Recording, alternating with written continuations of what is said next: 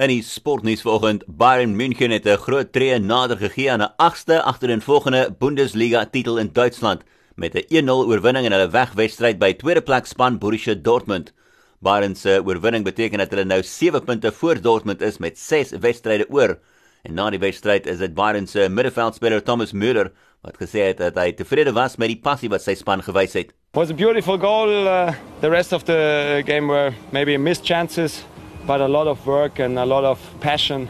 And uh, we talk a lot uh, from Saturday to now that this game is uh, maybe the most important game uh, in, in the next weeks and uh, maybe the decider. And we won it. So it's a great feeling and we have to uh, go forward, but I think it looks better than before. Dis die Duitse middenveldspeler Thomas Müller. En Namibia se Louis van der Westhuizen het 'n 1 jaar kontrak geteken by Cheetahs en hy gaan aansluit by die franchise in November. Die 25-jarige het ook die Luipers verteenwoordig en was kaptein gewees van die Noordwes Universiteit se Pikke in die Varsity beker.